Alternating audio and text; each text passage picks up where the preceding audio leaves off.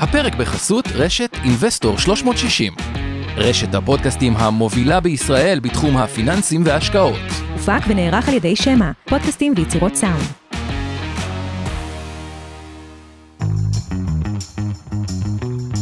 מעוניינים ללמוד יותר על עולם ההשקעות? האזינו לפודקאסטים נוספים שלנו.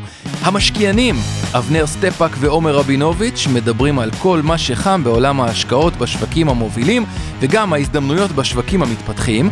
אינבסטור 360 live, אורן ברסקי ועומר רבינוביץ' מארחים את בכירי שוק ההון ועולם ההשקעות. כסף חדש, עם כל מה שרציתם לדעת על עולמות הקריפטו והפינטק, והפודקאסט השקעות למתחילים לכל מי שעושה את צעדיו הראשונים בעולם ההשקעות.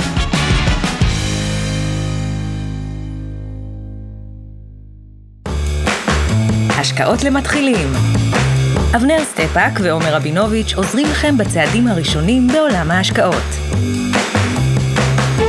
ערב טוב לכולם, ערב טוב אבנר. ערב טוב עומר, מה שלומך? בסדר, והיום אנחנו נדבר על עולם ההנפקות. ותסביר למה עושים הנפקה, אבנר. ומה זה הנפקה? מה זה הנפקה, ואיך עושים הנפקה, ולמי מוכרים את ההנפקה, ומי מרוויח טונות של כסף מההנפקה. ודבר אחד אני אתן רגע כהקדמה, שככה חשבתי הרבה על, כשעושים את הפודקאסט על הנפקות.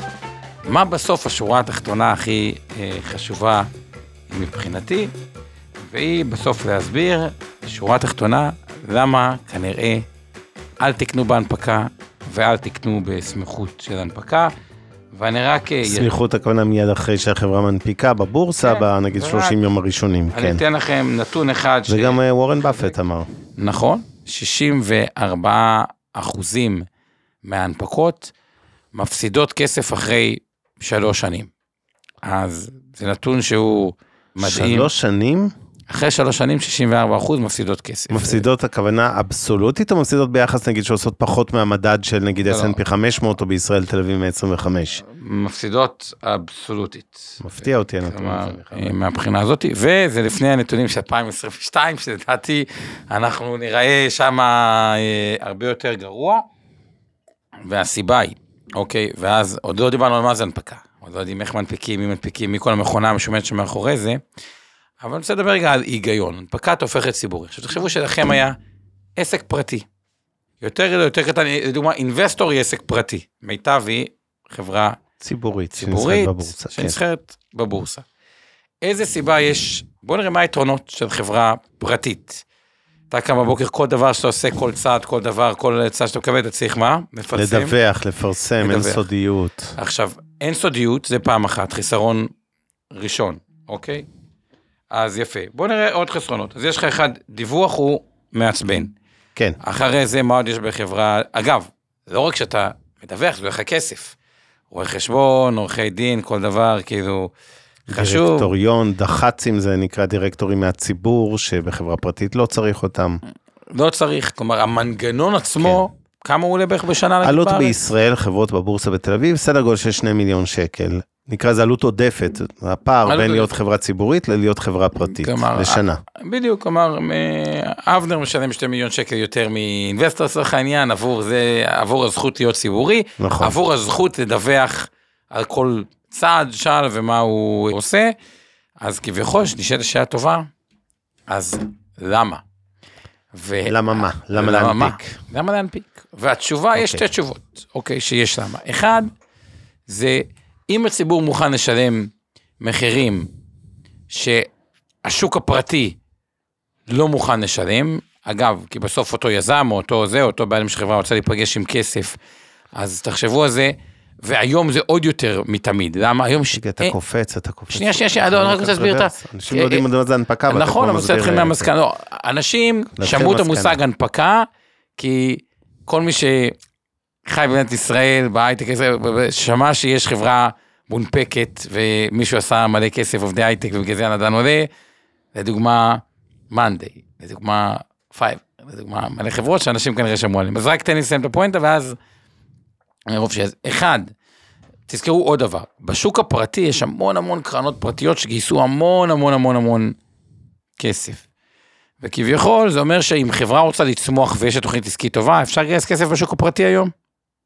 תלוי איפה, אבל בגדול כן. כן, אם יש לך הכי טובה. ואתה יזם טוב, אתה יכול ללכת לאנשים פרטים עשירים, מה שנקרא אנג'לים, אתה היית אנג'ל בכמה סטארט-אפים, נכון, לעשות. הנפקה פרטית, מה שקוראים. כן? אה, יכולים ללכת לקרנות שנותנות כסף, יש קרנות טכנולוגיה, יש כל, כל מיני סוגי קרנות, לא חסר כסף גם בעולם ההשקעות הפרטיות. כלומר, עולם ההשקעות הציבוריות הוא אחד משני הדברים. אחד, זה שאפשר לקבל מחיר שלא עושה היגיון לשקף ל- ל- לשוק הפרטי, כלומר, ממקסמים עליכם באיזשהו מקום את הכסף, מסביר חלק מהירידה אחרי 64, מסבירים אינסוף סיפורים, אבל תזכרו, זה ברמת הסיפורים, ומי שהקים חברה הוא כנראה יזם טוב, הוא גם מספר סיפורים טוב, אז הוא טוב בזה, אוקיי? זה פעם אחת. פעם שנייה שבה כן יש היגיון שאני רואה אותו, זה שעובדים רוצים, אם אתם רוצים לגייס עובדים טובים, לשמר אותם בחברה. ולשמר עובדים טובים, אומרים, אוקיי, יש משכורת, משכורת, אבל מה עם מניות? מניות של חברה פרטית, הן הרבה פחות מעניינות ממניות של גוגל, שהן שכירות, והן עולות, או מייקרוסופט, דברים כאלה. ובסוף גם חברה פרטית אחלה, אומרים, בסוף בן אדם רוצה להיפגש עם הכסף, כי עם מניה של חברה פרטית, לאו דווקא אפשר לקנות דירה, או ללכת למכולת, אז יש פה גם עניין של לשמר את הטאלנט של העובדים, או להביא את הטאלנט. אבל גם פה יש פתרונות, והרבה פעמים התשובה היא פשוט, אפשר לקבל ערך שהוא לא הגיוני, ראה אגב חלק מההנפקות הישראליות, ואז מי שקונה אותם, אחרי שלוש שנים, ברוב המקרים, סיפור המדהים שסיפרו לנו למה החברה הזאת תכבוש את העולם, לאו דווקא כובשת את, ה, את העולם, ואז יש ירידות חזקות, ולכן, מה שנקרא כבדהו וחשדהו, ועכשיו נתחיל מההתחלה. מה זה אוקיי, הנפקה, אז ונגיד קודם כל נתחיל תודות. מההתחלה וזה- נגיד תודה לעוז גצליק ממיטב שמנהל את השידור, לאורית לדנה פה שעושה לנו את הפודקאסט משמע. יש לנו אה, כמובן כרגיל תרגום של שפת סימנים, שיר פלדמן ואני מנחש מיכל ירמוך, אבל תקני אותי אם אני טועה, שעושות את התרגום. כרגע, וכמובן הצוות שלך, עמי ארביב, אור חלמיש ואורן ברסקי, ותודה לאורה אריאל האלופה האופטימית ממשקיעים בדרך לעצמאות כלכלית. אנחנו טובים, אנחנו עשר מעשר. עכשיו לעצם העניין, בוא נתחיל ממה זה הנפקה. אז הנפקה בעצם זה תהליך של גיוס הון, שחברה פרטית מעוניינת לגייס כסף, יש לה שתי אופציות, או הנפקה ציבורית, שזה הנושא העיקרי שלנו להיום, מה שנקרא IPO, באנגלית Initial Public Offering, הנפקה ראשונה לציבור, ו... או הנפקה פרטית. הנפקה פרטית זה אומר, כמו שנתת דוגמה, סטארט-אפ, מגייס עכשיו, לדוגמה, 10 מיליון דולר, לפי שווי חברה של 30 מיליון דולר, לפני הכסף, מה שנקרא פרי-מאני באנגלית, אז הוא בעצם נותן למשקיעים רבע מהחברה, זה כאילו 10 חלקי 30 ועוד 10, 10 חלקי 40, רבע מהחברה, תמורת 10 מיליון דולר. עכשיו, יש כמובן גם לפעמים מה שאנחנו קוראים סקנדרי, זה נכון גם לגבי הנפקה ציבורית וגם לגבי פרטית. למשל, עובדים בסטארט-אפ, סטארט-אפ עוד לא הנפיק בבורסה, הוא עושה עדיין גיוס פרטי, הוא מגייס עכשיו 50 מיליון דולר, אבל אומר 40 ילכו לתוך החברה וב-10 מיליון דולר נקנה מניות מהעובדים. מהעובדים ומהיזמים. ומהיזמים כן, וכולי. גם עובדים. כן. עכשיו, אני בדעה, בוא נתחיל רגע מהנפקה ציבורית, כי זה המנה הסיפור העיקרי להיום, ונ- ונדבר קצת על ההנפקות בתל אביב מול הנפקות בארצות הברית בעיקר, זה שני השווקים שמעניינים את רוב המאזינים אגב, למי והצופים שפה שלנו. בהייטק ויש לו פוזיציות גדולות במניות ובדברים כאלה, גם מתייחס לזה, חברות שהנפיקו, אבל...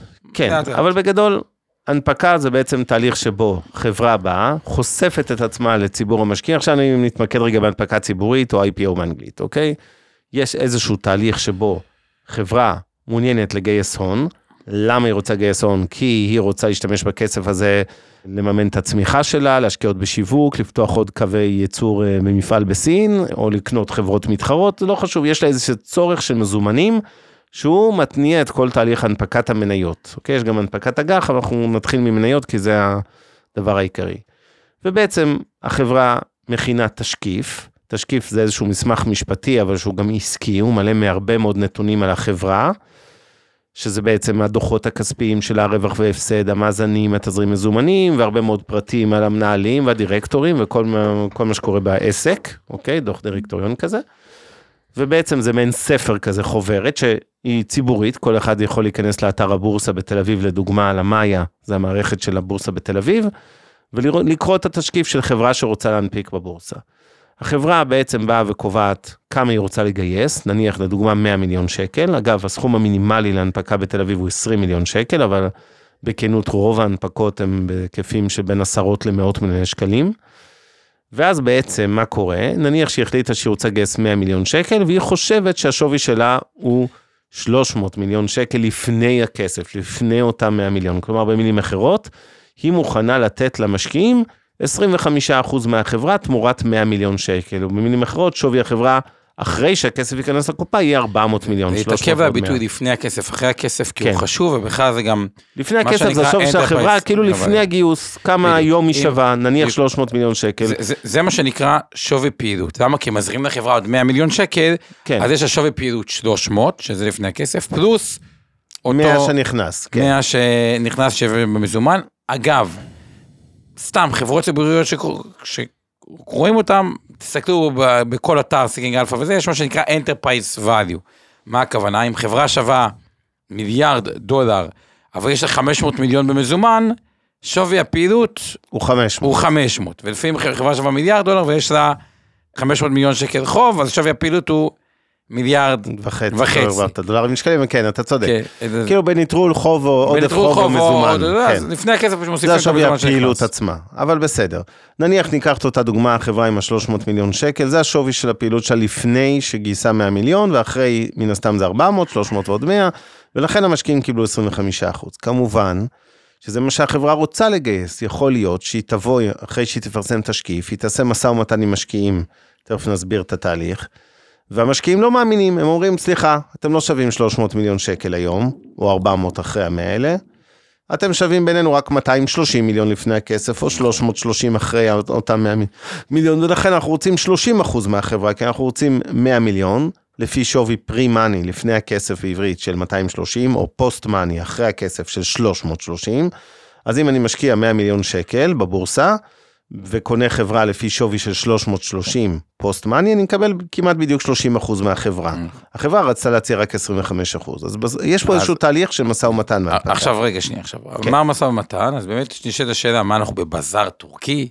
מה זה משא ומתן? אנחנו החברה הבאה, אז פעם באמת בבורסה הישראלית היה פחות אפשרות, ניגע בזה אחרי זה, פחות אפשרות למשא ומתן, מה שהפך את התהליך הזה למאוד מסוכן לכולם, כי החברה אולי רוצה להשתתף בבזאר, אבל בבזאר צריך, כאילו, המשקיעים המוסדיים רוצים להשתתף בבזאר, אבל בשביל הבזאר צריך להתמקח. אם לא נותנים להם את האפשרות להתמקח בבזאר, אולי הם לא הופיעו לקנייה. אם הם לא הופיעו לקנייה, חבל על כל ההוצאות וכל לחשוף את כל הנתונים בשביל ההנפקה. אז מה קורה כשלא יתקיים אותו בזאר? לא היו הרבה הנפקות. ואיך נקרא, מה שנקרא הצעה אחידה, או אתה רוצה שנגיע לזה בהמשך? טוב נסביר על שתי השיטות של ההנפקה. בדיוק, השתי שיטות של בזאר, נשאלת השאלה, יש הנפקות עם בזאר, בלי בזאר, אז עוד רגע נרחיב על נושא הבזאר.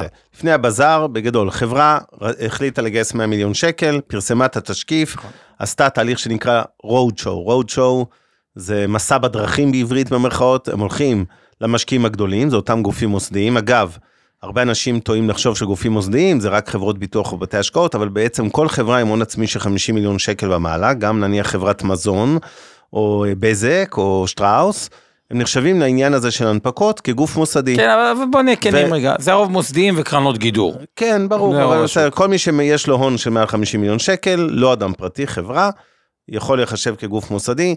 אותה חברה שבאה להנפיק, היא עושה איזשהו מסע של מצגות ושכנועים, מסע שיווק נקרא לזה בקרב הגופים, מסבירה למה החברה שווה לטענתנו 300 מיליון שקל, וגם מה אנחנו למה היא הולכים, תהיה שווה, כן. והיא תהיה שווה כמובן 2 מיליארד כן, בתוך כן, שנתיים, וזה טכנולוגיה שמשנה את העולם. ברור, ברור. אנחנו רוצים את זה הרבה יותר טוב מהמתחרים, ברור. ואנחנו, מה אנחנו יכולים לעשות עם ה-100 מיליון שקל, מסבירים מה התוכנית ומה התקציב וכולי וכולי. כל מה שאומרים במצגות, אגב, מופיע בתשקיף והוא מידע ציבורי. זאת אומרת, לא יכולים לבוא בחדרים האלה להגיד לבשושו, למנהל השקעות במיטב, תשמע, אנחנו עושים ככה וככה, מתכננים לעשות ככה וככה, ולא לפרסם את זה לכולם, אוקיי? זה המשמעות של חברה ציבורית, אין מידע שהוא רק למשקיע א' ולא למשקיע ב'. עכשיו, אחרי הרודשו הזה, יש בדרך כלל עשרה ימים שמשלב פרסום התשקיף במאיה, באותה מערכת של אתר הבורסה, ועד לשלב שבו בעצם מתחילים את ההנפקה. בעשרה ימים האלה החברה סיימה את הרודשו, נגיד פגשה 20 שחקנים פוטנציאליים, אה, מוסדיים וקרנות גידור וכולי, שמעוניינים אולי לבדוק השקעה בחברה, קיבלה אינדיקציות מהם, ביקושים, הפניקס אומר, אני מוכן לקנות 30 מיליון שקל במחיר כזה וכזה. מיטב אמרה, אני קונה 50 מיליון במחיר כזה וכזה, וכולי וכולי. ואז אז אם בעצם... מחירים שונים, זה רק נקרא... כן, בשלב הזה זה רק אינדיקציות, זאת אומרת, זה לא קשור עוד להקצאה אחידה או לא אחידה, זה קודם כל אינדיקציות ש, שהחברה מרגישה מה היכולת שלה האמיתית להצליח לגייס את ה-100 מיליון שקל, ופחות או יותר באיזה מחיר. ואז בעצם, ועוד דבר שחשוב להגיד עוד, סליחה, להנפקה, חייבים לפחות 35, מה שנקרא, הם מחזיקים שונים. זאת אומרת, חברה לא יכולה לגייס, לא משנה אם זה 100 מיליון או את אותם מינימום 20 מיליון שקל, רק מחמישה משקיעים גדולים. היא צריכה לפחות כן, 30 אבל פה אין מינימום ל-35 אחוז, כלומר זה יכול לא, להיות... לא אחוז, זה 35 משקיעים שונים, כן, כן, אבל אם משקיע אני יכול קונה לשים גם... שקל זה נחשב משקיע. אה, שקל לא, אתה לא יכול לקנות בהנפקה, אבל כן, יש איזה סכום מינימלי, לא משנה, נגיד 100 אלף נמוך, שקל, 100,000 לא חשוב, שקל, אה, אוקיי. עשרות אלפי שקל, תלוי בהנפקה, אבל לא אוקיי. חשוב. אבל בסוף צריך 35 משקיעים, ובגדול, המוסדיים הם אלה שמובילים את ההנפקה. רוב גדול, בטח בתל אביב בשנתיים האחרונות, אתם תראו שהמכרז המוסדי, שזה השלב הראשון של ההנפקה, מהווה, הייתי אומר, בין 95 ל-100 אחוז מהגיוס. והגברת כהן מחדרה, או כל משקיע פרטי אחר, קשה לו מאוד לקנות בהנפקה. הרבה פעמים אתם רואים שחברה מגייסת 100 מיליון שקל, היא לקחה 97 מיליון שקל ממוסדיים, והשאירה איזה 3 מיליון למה שקוראים המכרז הציבורי, לציבור. אבל זה גם הרבה פעמים רק כדי להשיג את אותו פיזור של 35 משקיעים, כי לא תמיד יש להם איזה מהצד כן, של אין המוסדי יותר מדי מוסדים. ישראלים. היה קונסטליזציה בענף וגם המוסדי. כדי לתת קצת שכירות למניה, כי ידוע שמשקיעים פרטיים הם יותר תנודתיים, יותר קונים ומוכרים מניות אחרי הנפקה. המוסדי הרבה פעמים קונה לקרן הפנסיה שהוא מנהל, לצורך העניין, את ה-30 מיליון שקל. שם בבוידם. ושם ו- בבוידם בדיוק, כן. וזה שוכב שם בקרקעית של התיק שלו להרבה שנים, ואז אין מחזור בבורסה במניה ביום שאחרי, זה גם שיקול. החברה רוצה שתהיה פעילות במניה, אבל לא אבל ש... לא. שהגרף יראה כמו של איש מת כזה יציב. עכשיו, פה אנחנו מתפצלים, אה, אני אגיד עוד דבר חשוב רק לפני הפיצול, כמה חברה יכולה לגייס, אז אמרנו מינימום 20 מיליון שקל, ויש גם מינימום באחוזים. נדמה לי, אני לא זוכר אם המינימום 7 אחוזים וחצי או 10 אחוז, כלומר שמי שהיה ב- בעלי המניות הפרטיים של אותה חברה ערב ההנפקה, שמחזיקים היום 100 אחוז, כל השותפים בחברה, אחרי ההנפקה, מקסימום יכולים להחזיק זה 92 או 90 או 92 וחצי אחוזים, יש לה בבורסה טבלה שהיא פונקציה של היקף השווי השוק מול האחוזים. ככל שהחברה היא קטנה יותר, היא צריכה להנפיק יותר אחוזים. נגיד חברה של שווי של 200 מיליון שקל, את חייבת להנפיק נדמה לי לפחות 25 אחוז החוצה, היא לא יכולה לגייס רק 10 אחוז, אוקיי? כי הבורסה דואגת לשיקולי שכירות. אם חברה קטנה, נניח שווה רק 100 מיליון שקל, והיא תגייס רק 10 אחוז, שזה רק 10 מיליון שקל, אתם מבינים שהיא אולי תהיה רשמית חברה ציבורית, אבל מעשית היא תתנהג כמו חברה פרטית, לא תוכלו לקנות, הבורסה לצאת מרוויחה ולהיכנס. מעמלות מהמכירה. כן, ו- וגם הבורסה רוצה לאפשר נזילות למשקיעים, ולא מצב שקנית ונתקעת עכשיו ואז ל-20 אתה- שנה עם המניה. וזה בגדול, עד כאן שתי סוגי הנפקות, אה, נקרא לזה, הן זהות מבחינת התנאי בסיס, של סכומי מינימום ופיזור וכולי, והתהליך של עשרה ימים האלה, של הרוד שואו והאינדיקציות וכו'. עכשיו, אנחנו מתבצעים בין מה שנקרא הקצאה לא אחידה, שזו אגב השיטה הנהוגה בארצות הברית, נכון. וחלק אה, לא קטן מהנפקות בתל אביב, לבין הקצאה אחידה, שזה קיים רק בישראל. וזה אגב השיטה הישנה יותר, הקצאה אחידה, אמנם ממשיכה גם היום, אבל כן. בעבר זה היה רק הקצאה אחידה. מה זה הקצאה לא אחידה? בעצם באים ואומרים, אני יכול להפלות בין משקיעים, זה המשמעות של לא אחיד. אני לא יכול להפלות במחיר, המחיר יהיה זהה לכולם, אבל בכמות אני יכול להפלות. זאת אומרת, אם ילין לפידות, מגיע לאותה חברה שבאה לגייס 100 מיליון שקל, ואומר, אני רוצה את כל ה-100 מיליון. ונניח שבא אלטשולר שחם, ואומר, אני רוצה לקנות 20 מיליון. החברה יכולה להחליט שהיא נותנת 20 לאלטשולר ו-20 לילין, למרות שילין ביקש פי 5 מאלטשולר. זה, זה המשמעות שלא אחידה. המחיר יהיה זהה בכולם, אותו שווי חברה, אותו מחיר למניה, אבל הכמויות היא יכולה להפלות, היא יכולה להגיד, אני מעדיפה את משקיע א' על פני משקיע ב', למשקיע ג' לא לתת כלום אפילו, למשקיע א' לתת הרבה, בלי קשר לכמה כל אחד הזרים ביקוש בהנפקה. אחד רצה 100, השני 30, השלישי 10 מיליון, יכולים להפוך את הסדר, לתת לראשון 10, לזה שביקש 100 אפס וכולי וכולי. כמובן, כאמור, המחיר יהיה שווה לכולם. במצב של הקצאה לא אחידה, אין מה שנקרא עמלת התחייבות מוקדמת, שנסביר עוד רגע מהי, אבל המוסדיים אומרים, בדרך כלל כשיש הנפקה למוסדי ואחרי זה מכרז לציבור, אז המוסדיים, בגלל שהם התחייבו קצת לפני הציבור, הם לקחו איזשהו סיכון שוק, כי אני היום מתחייב שאני אקנה בעוד עשרה ימים מניות, ואני לא יודע מה יקרה בבורסה בינתיים, אולי בעשרה ימים האלה, אני עכשיו קונה בהנפקה של חברת נדל"ן, ונניח ששוק הנדל"ן בדיוק, מניות הנדל"ן קרסו בדיוק בעשרה ימים הקרובים, אכלתי אותה, נכון? כי אני כבר התחייבתי, אני לא יכול לסגת, התחייבתי להזרים, לקנות 30 מיליון שקל בהנפקה. ולכן אני בדרך כלל אקבל בונוס. אותו מוסדי מקבל איזושהי עמלה, שבעצם הופך את המחיר שלו טיפה יותר זול. עמלת התחייבות מוקדמת. זה עמלת ההתחייבות המוקדמת. מכרז לציבור אין חובה לבצע כאמור, אמרתי שרוב הכסף בהנפקות מגיע כמעט כולו ממוסדיים היום, אבל תאורטית אפשר לקחת אותם 100 מיליון שקל ולפצל אותם ל-80-20, 97-3, איך שרוצים. אם נדייק, יש חובה למינימום של 70 אחוז שהמוסדיים יהיו, אבל בטווח הזה אפשר להחליט שזה 90-10, 80-20, 99-1, מה שרוצים. בדרך כלל חתמים, תכף נסביר מי הם החתמים ותפקידם, אבל גם החתמים וגם החברות רוצים כמה שיותר כסף מוסדי. כי המוסדי זה אומר שהם מכרו מראש את ההנפקה, הם יודעים את המחיר, הכל סגור. נכון. הכי ב- לא, בטוח. החתמים, גם פה, תראו, החתמים נמצאים בטריק. כשהם מחזרים אחרי הלקוח ואומרים לו, תבוא אליי, נגיד... הלקוח שת- זה החברה שבאה כן, להנפיק. לאומי בוא נסביר. פרטנר זה של לאומי. פועלים IBI זה של פועלים ו-IBI. דיסקונט חיתום זה של כן. הפתעה. דיסקונט. הלא בינלאומי. יפה, יפה. תמיד, תמיד הערכתי את החדות שלך, תמיד, אהבתי. אז אה, את הדברים האלה, אז אותו חתם, הוא בא לחברה, אתם תותחים, אני אשיג לכם מחיר מאוד מאוד מאוד טוב. ככל שמתקרבים להנפקה, תראה, השוק השתנה וזה, כאילו טיפה צריך לכוון את זה לכיוון המחיר הריאלי. אבל החתם מצד אחד רוצה את החברה, כלומר צריך למכור לה שהוא יודע למכור אותה במחיר האופטימלי. אבל שוק ההון הוא לא רוצה לשלם מחיר זה, זה כביכול סוג של כאילו המתח שנוצר, והחתם בכל מקרה מרוויח, אבל צריך לזכור, גם בחתם יש חתמים שמתחייבים גם לרכוש את כל הסחורה. אז יש פה גם עניין שהם צריכים שהמחיר יהיה ריאלי, אם הם לא רוצים להתקע עם סחורה שהם לא הנפיקו, גם זה סוגי אה, אה, הנפקות שלו, אבל תמשיך רגע, אבנר. אוקיי, אז קודם כל בואו נסביר מי זה, מי זה החתם. חתם, קצת כמו, אתם מכירים את המילה חיתום לפעמים מעולם של הלוואות ואשראי, או מעולם של ביטוח, עושים חיתום, גם פה יש סוג של ביטוח. מה עם חברות החיתום? היסטורית הם ממש היו חברות שמבטחות הנפקות, מה הכוונה? אתה החברה, החברה זה הלקוח שלהם, היא רוצה לגייס עכשיו 100 מיליון שקל, החתם יעשה עבורה או יחד איתה את השיווק של ההנפקה, והוא נקבל על מתחייב... נכון, אחוזים, נגיד, כן, 2, והוא- 3, והוא- 4. אבל על מה הוא מקבל? לא על עבודת השיווק, או לפחות היסטורית, הוא מקבל על ההתחייבות החיתומית. מה זה אותה התחייבות חיתומית? זה רשת ביטחון, שהחתם בא ואומר לחברה שבאה להנפיק, אני מבטיח לך שאם המוסדיים והציבור לא ירצו לקנות את המניות שלך בהנפקה, כי וואלה, לא עברת טוב במצגות, וחשבו שאתה מאוד יקר, אני מתחייב לקנות את כל ההנפקה הזאת במחיר X, אוקיי? בדרך כלל קצת יותר נמוך ממחיר ההנפקה, אבל אני נותן לך רשת ביטחון, אתה תגייס את ה-100 מיליון שקל האלה, לא משנה מה יקרה. אם לא תביא אותם מהמשקיעים, אני אשים את הכסף. הדבר הזה גרם לזה שהחתמים היו מאוד מוטים. מה הכוונה מוטים? היה להם אינטרס כמובן, כדי שלא חלילה יופעל הסכם החיתום. וההתחייבות הזאת, היה להם אינטרס לשווק את ההנפקה הזו בכל מחיר, כלומר להצליח. קצת לפעמים לא נעים להגיד, קצת לעגל פינות, אם יש דברים פחות טובים על החברה הזאת, אז ככה, לא אגיד להסתיר, אבל אה, לה- לעדן ו- ולהסביר למה זו החברה הכי חמה בבורסה. לדוגמה, ו- נגיד הם עושים סטייקים, השנה. סטייקים, אה, תחליפים אלטרנטיביים לבשר, כן. אז תוך כדי. ארוחת סטייקים בסטייק, אומרים לך, תקשיב, זה סטייק מגעיל, סטייק אלטרנטיבי זה טעים, סטייק רגיל שאני מזמין עכשיו, זה לא טעים.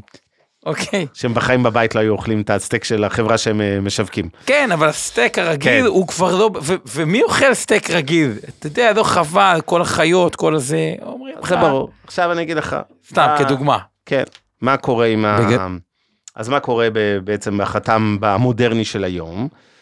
אז החתם היום, באותה הקצאה לא אח- אחידה, בעצם נותן התחייבות שהיא לפחות 25% מהגיוס, אוקיי? זה המינימום. אבל רשות ניירות ערך, כששינתה את חוקי החיתום, בעצם הפכה את החתמים לסוג של שומרי סף. אמרה, פחות אכפת לי שתיתנו עכשיו 100% התחייבות, את אותו, אה, נקרא לזה, רשת ביטחון לחברה המנפיקה.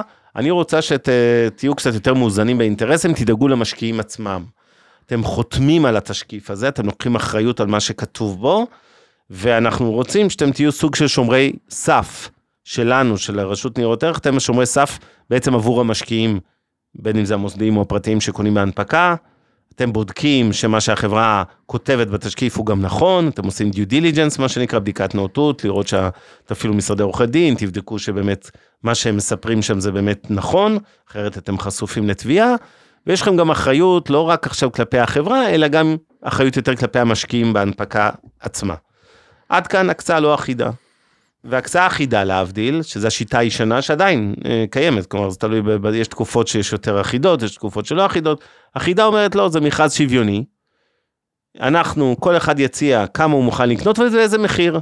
אוקיי, אם דיברנו קודם, כולם מציעים רק כמות והמחיר הוא אחיד, נקבע נגיד מחיר בהקצאה לא אחידה, נקבע מחיר אחיד, אבל קבוע, אבל, אבל ההקצאה עצמה היא לא אחידה, יכול להיות שנתנו, הפלינו בין משקיעים, ההוא רצה הרבה, קיבל מעט, ההוא רצה מעט וקיבל את כל מה שהוא רצה, וכולי וכולי. לא, גם בשגרה, אומרים, אני לא רוצה לשפר את המניה, אז נגיד, קרנות גידור שידועות כאלה שמוכרות כן, מהר, הוא אומר, וואלה, לא, לא, לא, לא רוצה לתת להם, למה שתתן להם? יורידו לי את המניה דקה אחרי הנפקה.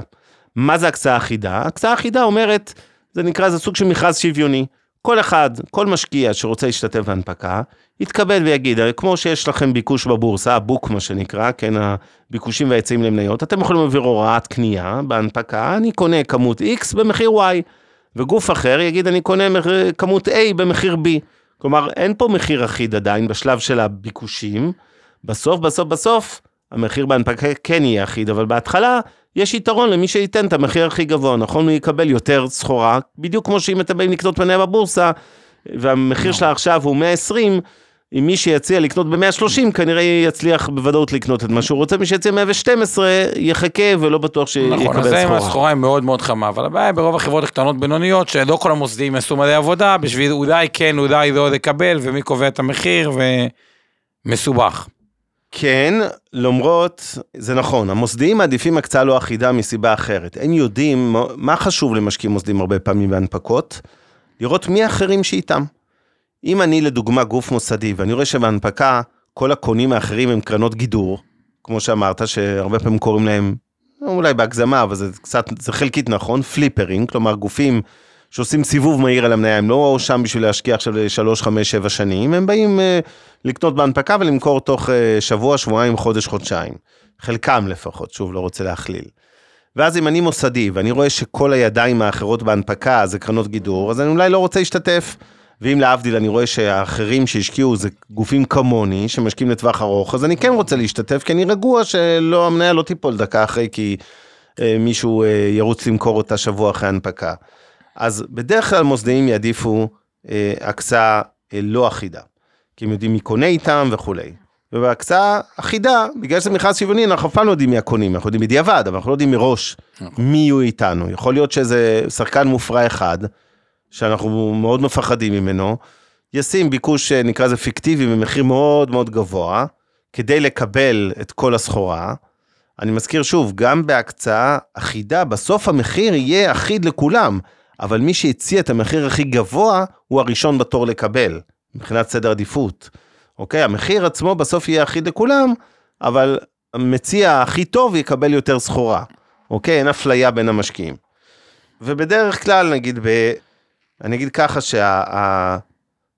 ככל שהשוק חזק יותר להנפקות, כלומר שהחברות המנפיקות יש להן הרבה ביקוש, הם הולכים יותר, אתם תראו בשווקים כאלה יותר הנפקות אחידות, וככל שהפוך, השוק קשה וכולי, אז המוסדיים ידם על העליונה, ואז תראו יותר הנפקות והקצאות לא אחידות, אוקיי? מהנפקות. הנפקות חוב אגב, אגרות חוב, לא נשקיע בזה יותר מדי אנרגיה כי זה פחות מעניין, אבל הן כמעט תמיד בהקצאה אחידה. לא, לא חייבים, אבל זה בפרקטיקה. בארצות הברית, אוקיי? ההקצאה היא מראש כמעט, אה, בהגדרה, היא תמיד לא אחידה, אוקיי? החתמים שם מפלים. אם אתה לקוח, נגיד שהחתם הוא גולדמן סאקס בארצות הברית באיזו הנפקה יוקרתית, אם אתה לקוח גדול שלו בעסקים אחרים עם גולדמן, אתה תקבל הרבה סחורה בהנפקה, ואם אתה לקוח שלא אכפת לו ממנו, לא תקבל, אתה יכול להזמין מיליארד דולר ולקבל עשרה מיליון דולר, מאית, כן. ממה שהזמנת. אגב, חלק מהיתרון התחרותי, תפיסתי, של בנקי ההשקעות, מה שנקרא super brands עולמיים, דוגמת גולדמן סאקס, שאגב, היום נסחרת סביב ההון העצמי שלה, זה באמת זה שכביכול, גם פה, בתהליך הזה, בדומה למה שקורה בארץ, פעם במדינת ישראל היו הרבה בתי השקעות, והרבה חברות ביטוח, היום יש חמש חברות ביטוח. פעם לא זוכרים את זה, היו כמה, 30 חברות ביטוח בישראל, היו... משהו כזה, כן. עשרות חברות ביטוח ובתי השקעות. גם. עשרות רבות, אם לא מאות, והשוק הזה עבר קונסטליזציה, ואז כשמגיעה היום השקעה מעניינת למדינת ישראל, היא לא תבוא לשחקן 40, תבוא לעשרת הגדולים, או ל... כן, אותו road show שתיארנו בהנפקה, אותם עשרה ימים שבאים לעשות מצגות, באים לעשרה... ואז כוחו של. הגדול טיפה מתחזק. אותו דבר, בבנקי השקעות בעולם, אין המון היום אה, בתי השקעות סופר גלובליים. חתמים יש- נקרא לזה. חתמים, יש כן. יש את גולדמן סאקס, מריל לינץ', אין- אבל אה, אין המון tier 1. כלומר, נכון.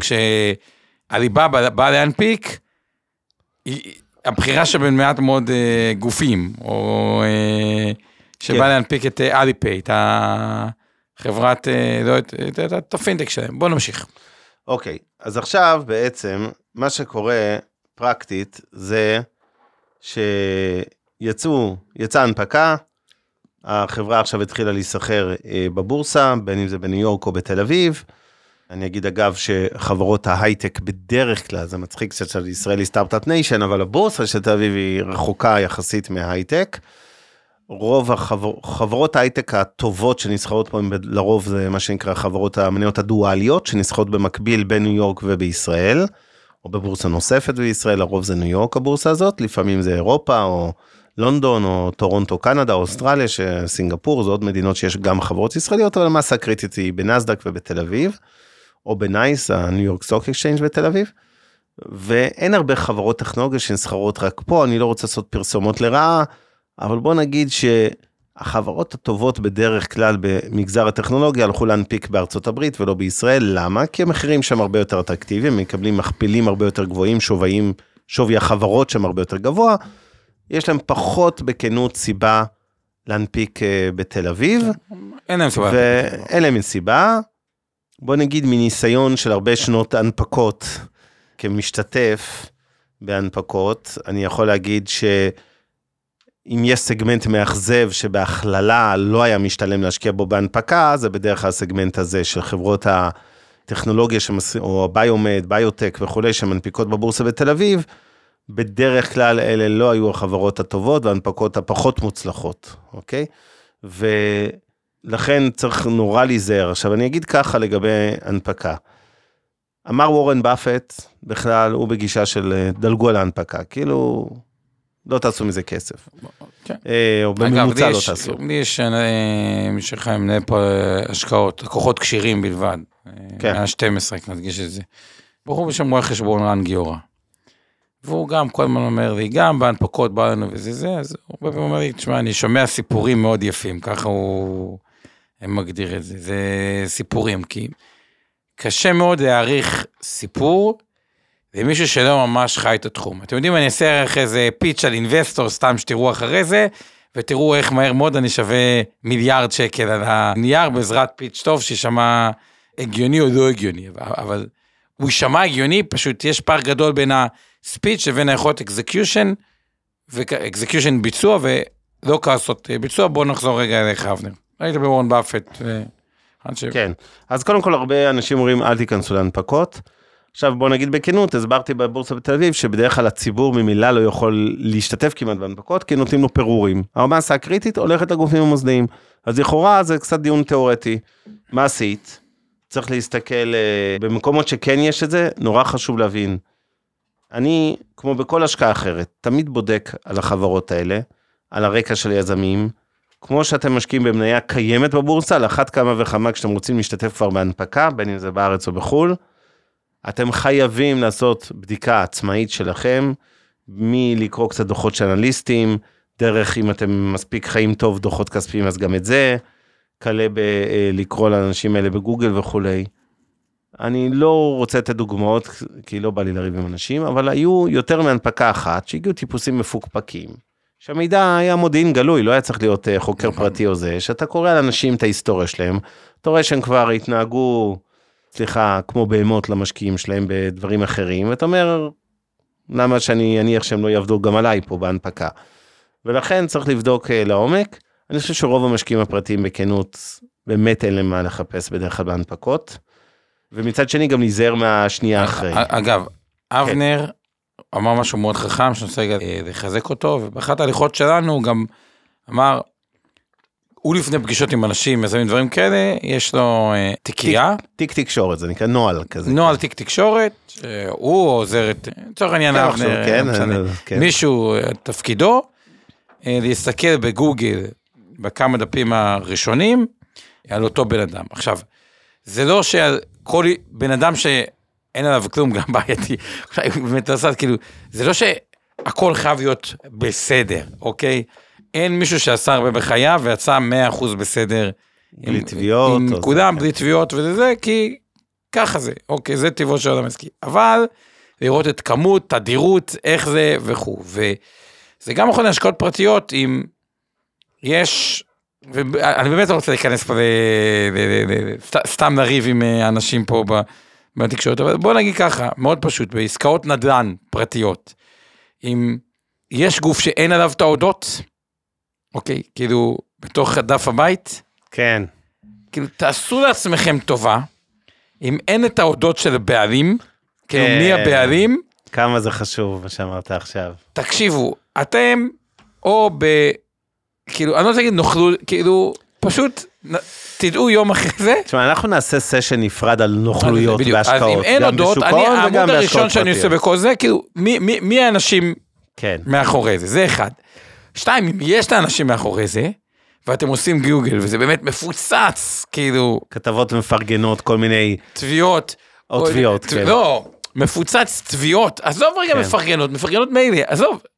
תביעות, מקרה כאילו, או, או, או זה, אז למה? כאילו מה, משעמם לאנשים, כאילו, כן, אני, אני אגב תמיד מקפיד לא רק לא להשקיע אצל תובעים, אצל נתבעים, גם אצל תובעים. זאת אומרת, בן אדם שהוא כל היום תובע אחרים, זה גם מראה לי משהו לבן אדם. אז אני לא אומר שאסור לתבוע ושעשו לכם עוול, ברור, סבבה, לא מיציתם את זה בדרך אחרת, לכו לתבוע. אבל בן אדם שבאופן סדרתי תובע, הוא גם בן אדם מסוכן קצת אה, כבעלים של חברה בבורסה, וגם בהנפקה שלו לא הייתי רוצה להשתתף, כמו שעל אחת כמה וכמה במישהו נתבע סדרתי, וכנראה לא, כן, אה, יורד גשם זה, איך אומרים? זה כנראה, יש שם משהו אמיתי בקיצור, זה לא שאין תביעות, גם כנגד בנק לאומי יש תביעות, וכנגד וכנגד כל חברה שקיימת מספיק זמן, יהיה כן, מוזר זה אם ברור. לא היה... לא, זה ברור, הכל עניין אבל- של מידה, אבל בסדר, נעשה איזה סשן כן. נפרד, אני יכול לגלוש שם באמת, ויש לי מיליון דברים אה, אבל להגיד על זה נוכלויות. תקראו את ההודות, זה כאילו מי ה... כן. כי אם אין את זה, אז כאילו... כן, אם אני, אם אני רק מסכם את נושא ההנפקות, כי אנחנו לקראת סוף המשדר שלנו, חלק א', אני מזכיר שהיום אנחנו, אתם מוזמנים בתשע להצטרף אלינו לחלק ב', מרתק, האם העולם גולש למיתון, זה אולי אחת השאלה הכי חשובה היום למשקיעים בעיניי, אבל נגיע אליה עוד 20 דקות.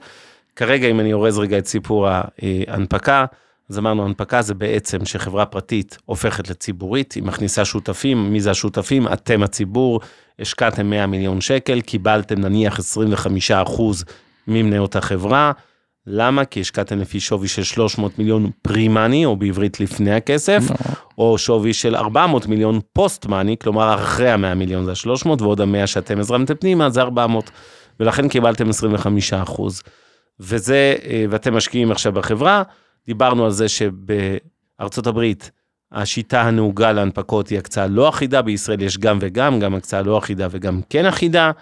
חברה, יש איזה אחוז, סכום מינימלי של כסף שיכולה לגייס כדי להנפיק בבורסה, נניח בישראל 20 מיליון שקל, יש אחוז מינימלי כדי להנפיק בבורסה, 7.5 אחוז לחברות ענק, 25 אחוז בערך לחברות קטנות יותר, אה, זה הכל לפי היקף השווי, ככל שהשווי נמוך יותר, ככה הן צריכות להנפיק יותר אחוזים מהחברה. ודיברנו על הקצאה לא אחידה, שזה אומר שבעצם אפשר להפלות בין המשקיעים לגבי הכמויות שכל אחד יקבל בהנפקה, אבל בכל מקרה המחיר לא מופלה לרעה, כולם קונים אותו מחיר. דיברנו על זה שיכול להיות בהקצאה לא אחידה גם מכרז ציבורי, מינימום 70 אחוז מוסדי עד 30 אחוז ציבורי, זה מתוך אותם 100 מיליון גיוס, אבל אפשר גם בלי מכרז לציבור, לא חייבים. דיברנו על זה שהקצאה אחידה להבדיל, זו הקצאה שבה יש מעין מכרז שוויוני יותר, גם פה המחיר יהיה זה, אבל הכמויות הן הכל ביחס לכל אחד כמה הוא היה מוכן לקנות ובאיזה מחיר. עכשיו, ורק דיברנו על כן. תפקיד החתמים, הם אלה שמשווקים את ההנפקה. אם בעבר הם היו בעיקר חברות ביטוח אה, פיננסיות שנו, שבעצם הבטיחו את הצלחת ההנפקה, נתנו רשת ביטחון לאותה חברה שרוצה את ה-100 מיליון שקל של אם לא יבואו משקיעים אנחנו נקנה את זה. היום אה, התפקיד שלהם מתאזן מהצד של לדאוג לחברות, גם להיות שומר סף של הציבור ולוודא שמה שהחברה מפרסמת בתשקיף וכולי, הוא אמיתי ונכון. עכשיו, לגבי עוד הנפקות, אם אתם עובדים בחברות מונפקות, הרבה פעמים דווקא בהתחלה, זה עושה מאוד טוב, אגב, לכולם יש אינטרס, תחשבו על זה, את אותו חתם. אז קודם כל יש לו אינטרס לפמפם את הכתבות לפני זה, למה או, אתה החברה... רואה פרסומות בטלוויזיה? איזה אה, חברה, טובה. תחשבו, אתם אה, עושים... אה, הייתה, סליחה שאני נותן לרגע הזה, כותב, מדוגמה, היה מי שראה בחודשים האחרונים פרסומות אין סוף של חברת EPM, חברת התרופות, פרס... פר... לקחו פרופסור מפורסם שליווה אותם והוא גם אה, דירקטור נדמה לי בחברה, ו... והמנכ"ל, ו... לא, לא, לא הבנתי, אתה רואה כן, כל לא, היום אבל זה- פרסומת זה דווקא לחברה. נפגשתי עם אותו בן אדם. כן. מקרה אחר שהוא הנפקה בוטלה אגב, היא לא הצליחה. כן, הוא רצה לא ללכת בדרך המקורית, אלא גם לתת את זה לציבור. לתפיסתי, בחירה לא נכונה של נכון. דרך הפעולה, אבל אפשר להתווכח על זה, אבל עזוב הנפקה של הציבור, כי, כי זה היה בכלל, זה היה בלי המנגנון הרגיל. יש אינטרס, תחשבו על גולדמן זקס, או על זה, כשהוא בא להנפיק חברה גלובלית, יש אינטרס להסביר כמה היא טובה, וגם אחרי ההנפקה, יש אינטרס להמשיך עם זה. וכשהמניה עולה, למה תחשבו, לפעמים אותו חתם באמת מקבל את העמלה שלו במניות, או זה במניות, ואחרי זה כן. צריך למכור את זה. כלומר, לכל הסיסטם התקשורתי, יש את ה... לסיסטם של החתמים והחברה יש אינטרס שהמניה האייטמים, תעלה. החברה, הדברים אחרי האלה, שהמניה ההנפקה. תעלה אחרי ההנפקה. אבל זה לא תמיד קורה. עכשיו, לא, לא, עכשיו, הרבה פעמים זה קורה, זה מה שאני אומר. רק תזכרו, לא להתאהב, אני הבוקר ישבתי עם מישהו שהיה לה נייר היה שווה 300 ומשהו מיליון שקל, על החברה שלו, כמובן קרסה ב-90, כמובן, קרסה ב-90 ומשהו אחוז, זה אה, כבר, שטויות. כאילו שטויות שווה. יש לו כן, דירה בתל אביב, כן. כן, ממש ככה, אוקיי, אתה יודע מה? יש איזה, לא יודע אם, אפילו זה לא, כן. דירה כן, דירה, דירה יפה כן, אבל פנטהאוס כבר לא, אוקיי? אוקיי.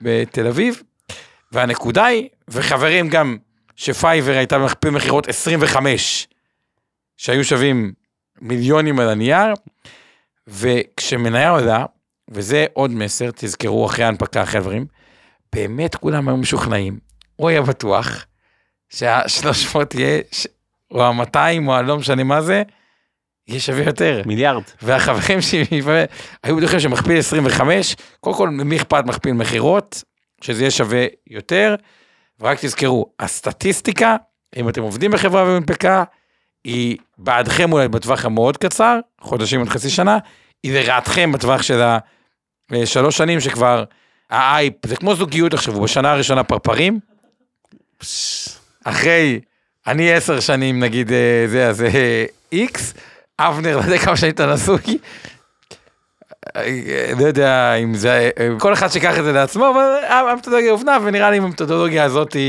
נסיים. כן, אני רק. אגיד עוד דבר חשוב, יש עוד שחקן שלא הזכרנו הערב ואיתו נסיים, זה הרשות לניירות ערך. רשות ניירות ערך היא בעצם הגוף שמאשר את התשקיף, והחברה שבאה להנפיק עוברת את אה, מחלקת חברות ברשות וכולי. אבל אני חייב להעיר פה, כי יש איזה אי הבנה לגבי תפקיד רשות ניירות ערך.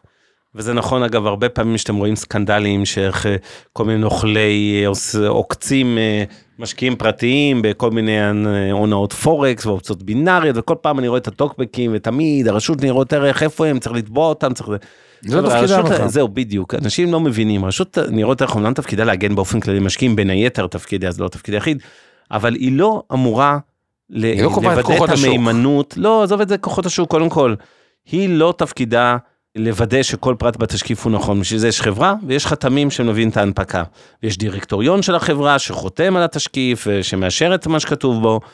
וזה האחריות אמיתית, רשות ניירות ערך היא לא גורם לסנן השקעות עבורכם, אתם צריכים לעשות את זה בעצמכם, לקרוא חומרים וכולי. זה כמו ואין מה מקרה- לבוא ב- בהגשמה בטענות. נגיד היה זה כמו בן מקרה, אדם לא שיפסיד כסף בבנק, כי הוא השקיע סלש הימר בכל מיני מניות והפסיד 30 אחוז, והוא בא בטענות, אומר, הבנק אשם, אבל מה הבנק? אתה רק, הבנק הוא היה צינור, אתה שכרת דרכון, נכון? אתה לא, אה, זה לא שהבנק פמפם לא, לך אבל יותר מזה, גם בהשקעות הפרטיות, נגיד היה מקרה בהגשמה, אמרו רגע, זה עבר תשקיף של הרשות. מה זה עבר תשקיף של הרשות? זה אומר שבסך הכל במקום להציע את זה ל-35 אנשים, אפשר להציע את זה לכמה אנשים נכון. שרוצים. יכול להיות שגם בתשקיף אמר, רשום סבירות מאוד גבוהה שתאבדו את כל כספיכם, זה לא אומר כלום. קיצר, נראה לי... אני אגיד שכן, בקיצור, הרשות היא לא אה, השוטר בהקשר הזה, היא שוטר בהקשרים אחרים. אה, כל משקיע שייקח אחריות על עצמו, כמו שאומרים, ולא אה, להתלונן כשהוא מפסיד. זה בגדול. אי אפשר לבלבל, כמו שאומרים. אני חושב שאנחנו נסיים את המשדר הזה, נעשה הפסקונת, יש לנו עוד 13 דקות. אנחנו נפגשים איתכם שוב, אם מישהו רוצה להמשיך איתנו כמובן ב"המשקיענים". המיתון הגדול. שיבוא או לא יבוא, אבנר. האם יהיה מיתון עולמי בקרוב? קשה, כי אתם יודעים מה קרה לאחרונה. כולם יודעים. לא, לא, הג'יני יצא מהבקבוק. ומי זה הג'יני? האינפלציה, הריבית שעולה, יש הרבה ג'יניז. לא, האינפלציה. וכשאומרים על אינפלציה, כשהג'יני יוצא מהבקבוק, כן. קשה להחזיר אותו מהבקבוק. פש, אתה חד היום. כן, קשה להחזיר את הג'יני מהבקבוק, אבל, אני אומר את זה, את הזה, אבל כשיוצא מהבקבוק, וזה השד האינפלציוני הבלתי צפוי, יש בלאגן, תראו את טורקיה לדוגמה, מה שקורה שהאינפלציה משתוללת ועוד מדינות, אבל עוד 11 דקות, נתראה בשידור הבא. עם המלכה. יאללה. אז סיור, תודה לכולם בינתיים. ורגע, רגע. אה, מה שכחת להזכיר? אתה בחור רציני, מה זה? יש לנו בחור רציני ששכח. אני, אתם יודעים, לא אוהב לעשות פרסומות. אבל פעם ב... נגיד 40 שנה, אבא שלי כותב ספר על שוק ההון. ומה נראה לכם שאני יכול להעביר את זה בלי להזכיר שהוא כתב ספר, הוא הוציא אותו השבוע. נכון.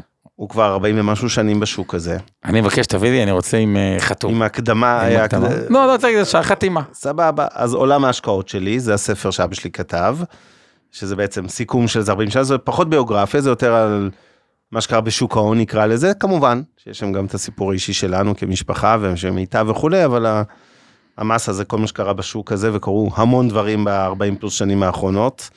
זהו, אני מאוד גאה בו. אפשר לקרוא את באבא או הספר. בספר? באבא קודם כל. יפה, יפה, ענית טוב. בספר אני כולה, היה לי איזה תפקיד זוטר של לקרוא, לעבור, לראות שאנחנו, ש, שכאילו, הוא כתוב טוב, ומה לעשות, אבא שלי היה גם מורה ללשון, אז לכתוב הוא יודע. אה, לא היה לי הרבה הערות. בכל מקרה, אפשר להשיג אותו בסטימצקי, בצומת ספרים וכו' וכו', ב-online, אז מוזמנים לרכוש עולם ההשקעות שלי, צבי סטפאק. עד כאן אה, הפרסומות, ועכשיו ניפגש בתשע. מוזמנים להאזין לפודקאסטים נוספים שלנו, המשקיענים, השקעות למתחילים, אינבסטור לייב וכסף חדש. הופק ונערך על ידי שמע, פודקאסטים ויצירות סאונד.